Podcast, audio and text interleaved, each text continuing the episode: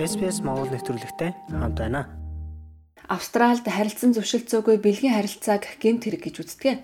Үүнийг онлайнаар болон бодит амьдрал дээр заавал харилцан тохиролцсон байх ёстой гэж үздэг. Зарим шүүхэд бэлгийн хүчирхийлэл үйлдсэн гэж буруутагдж байгаа хүмүүс зөвшөлдсөн гэдгээ нотлох ёстой болно.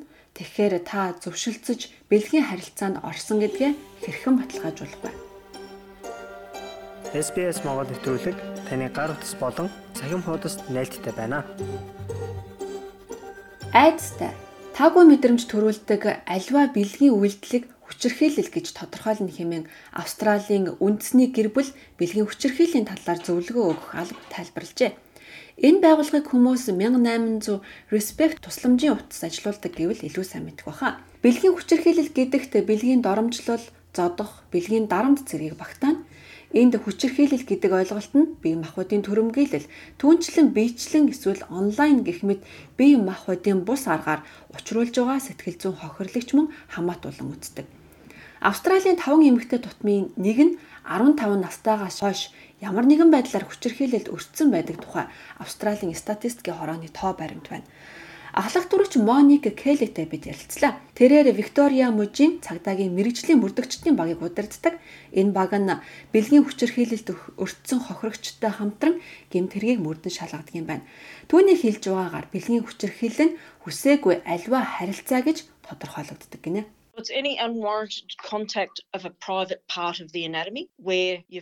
Энэ бол таны биеийн хувийн орон зайд хүсээгүй байхад тань зөвшөөрөлгүйгээр хүрч байгаа явдал юм. Энэ нь зөвхөн бие махбодтой холбоотой байх албагүй. Бэлгийн хүчирхийлэл үйлдэх янз бүрийн арга замууд байдаг. Зөвшөөрөл аваагүй хэд хувийн зургуудыг хүмүүст үзүүлэх, хуваалцах, бичиж байгаа зүйл нь тодорхой түүх агуулж байгаа хүмүүс бэлгийн хүчирхийлэл үйлдэж байгаагийн илрэл байж болно. Бэлгийн хүчирхийллийг ноцтой гэмт хэрэг гэж үздэг. Сүүлийн жилүүдэд Австралийн зарим шүүх хууль тогтоомжоо өөрчилж бэлгийн гэмт хэрэгт буруутгагдж байгаа хүмүүст харилцаанаас өмнө зөвшөөрөл авсан гэдгээ нотлох үүрэгтэй болсон. Энэ талаар эргэн сурвалжлах сэтгүүлч Jess Hill Ask for it гэдэг гурван цуврал баримтат кино бүтээжээ. Түүний хэлснээр Эхний алхам бол хүмүүр бэлгийн харилцаанд юу мэдрэгдэж, юу тааламжгүй байгаагаа мэддэг байх явдал юм. Та өөрийн байр суурь хэл хязгаарыг мэдснийхаа дараа хамтрагчаасаа ямар сэтгэлдэлтэй байгааг нь асуух хэрэгтэй. Дотны үйл ажиллагааны үе шат бүрт талууд тийм эсвэл үгүй гэж хэлж сурах нь маш чухал юм do? Бид хоёрын хийхийг хүсэж байгаа зүйл энэ үнэхээр мөн үү? Энэ нь бид хоёрт сэтгэл хангалуун байх зүйл мөн үү? Зөвшөөрч байгаагаа ойлголцохын тулд энгийн зүйлсийг асууж болох юм. Таны асууж болох энгийн асуулт бол би чиний энэ хэсэгт хүрвэл зүгээр үү? Чамд энэ таалагдж байна уу? Та намайг үүнийг хийгээсэй гэж хүсэж байна уу? Бид үүнийг хийж болох уу гэх мэтээр тодруулан асуух хэрэгтэй. Үүнийг чимээгүйгээр ойлголцох биш харин шууд асууж шалгаж байх хэрэгтэй. Бэлгийн харилцаанд орохыг зөвшөөрч байгаагаа баталгаажуулна гэдэг нь бүхэл шатанд ихтгэлтэйгээр хүлээн зөвшөөрч байгааг батлах ёстой гэсэн үг юм. Зарим шүүх захиргаанд сексийг хуульд ёсны болгохын тулд бэлгийн харилцаанд орохыг зөвшөөрсөн гэж үзэх нь хангалттай биш юм. Та үүнийг итгэхтэйгээр дахин дахин нягтлах хэрэгтэй.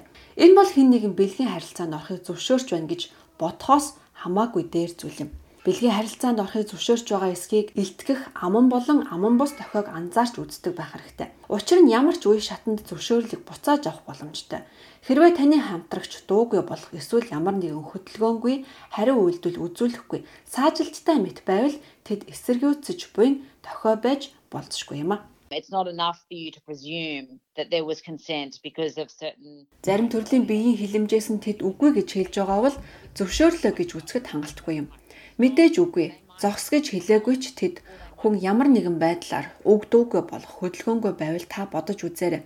Бэлгийн харьцаанд орохдоо тантай хамт байгаа хүн юу ч хэлж чадахгүй байгаа бол энэ нь зөвшөөрч байгаа гэсэн үг биш. Хэрв тэд би итгэлгүй байна гэж хэлээд юу болох талаар үнэхээр эргэлзэж байгаа юм шиг сонсогдож байвал та үүнийг хиймээр байна уу? Бид үүнийг хийх шаардлагатай юу гэж илэн далангүй асууж баталгаажуулсан дээр.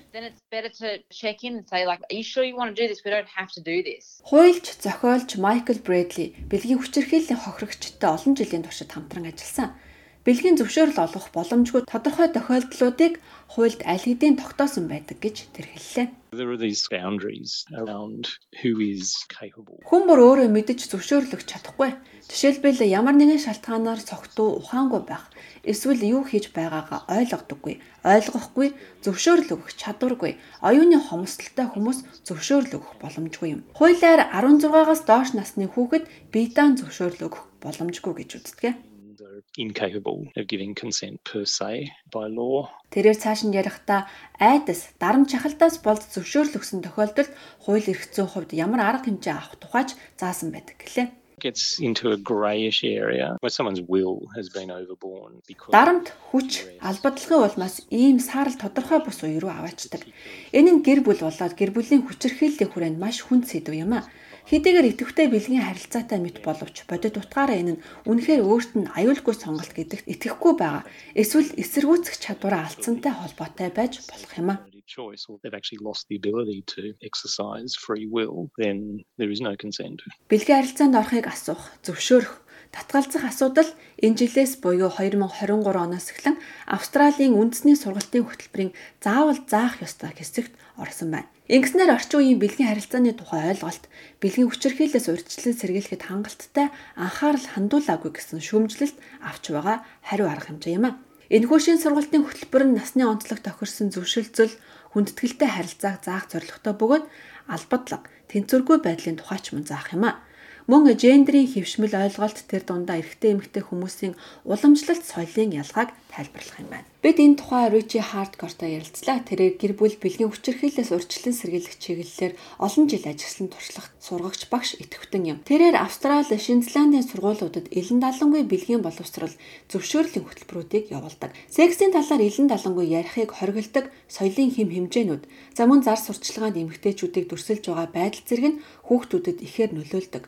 Түүнчлэн хүүхдүүд онлайнаар хэд задгаа ихэвчлэн хүчирхийлэл дүрсэлсэн порнографийн материалд хандах хандлага эрс нэмэгдэж байгаа тухай тэрээр ярьж байна popular culture normalizes sexual aggression and sexual dominance often as gendered asymmetrical way. Түгээмэл соёлын хэв шинжид бэлгийн төрөмгийлэл, бэлгийн давмгайллыг хэвийн болгодог бөгөөд энэ нь нэхвчлэн хөөсийн тэгш бис байдлаар илэрдэг. Хөвгүүд эрэгтэйчүүд ихэвчлэн эмэгтэйчүүд охтыг эрх мэдэлтэй байлгадаг. Эмэгтэйчүүд охид бэлгийн харилцааны хувьд эрчүүдийн давмгай байдлыг хүлээн зөвшөөрөх төлөвтэй байдаг. Бэлгийн бие даасан байдал, бэлгийн дур хүслийг сонгох, харилцан бэлгийн таашаал авах талаар илүү сайн ярилцаж, хор хөнөөлөхс нь зайлс хийхийн зэрэгцээ сексийн сайн талуудын талаарч мөн ярих хэрэгтэй. Учир нь секс бол бидний амьдралын гайхалтай нэг хэсэг. За үүнийг хийснээрээ хинч бие махбодын болоод оюун санааны хувьд гимтэх ёсгүй гэдгийг бид хүүхдүүдэд ойлгуулахыг хичээдэг. And however you're having it, no one should be getting hurt physically, emotionally or spiritually.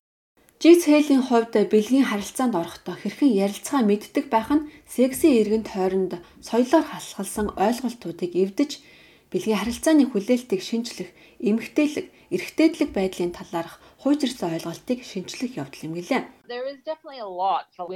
Тэгэхээр эмэгтэйчүүд, эрэгтэйчүүд өөрсдийн хүслийг хэрхэн илэрхийлж харилцаа бий болгох талаар сурах нь маш чухал юм. Энэ бол жижиг ажил биш. Тийм гэж хэлэх нь үгүй гэж хэлэхтэй адил чухал юм. Танд сэтгэл зүйн дэмжлэг хэрэгтэй байгаа бол 1800 Respect болон Lifeline 1311 14 Beyond Blue 18 тэгтэг 22 46 36 дугаар дугаарын утсаар холбогдож байна. Apple Podcast дээр манай нэвтрүүлэгт үнэлгээ өгнө үү? Энэ манай нэвтрүүлгийг хайж олоход бусдад бас туслах юм.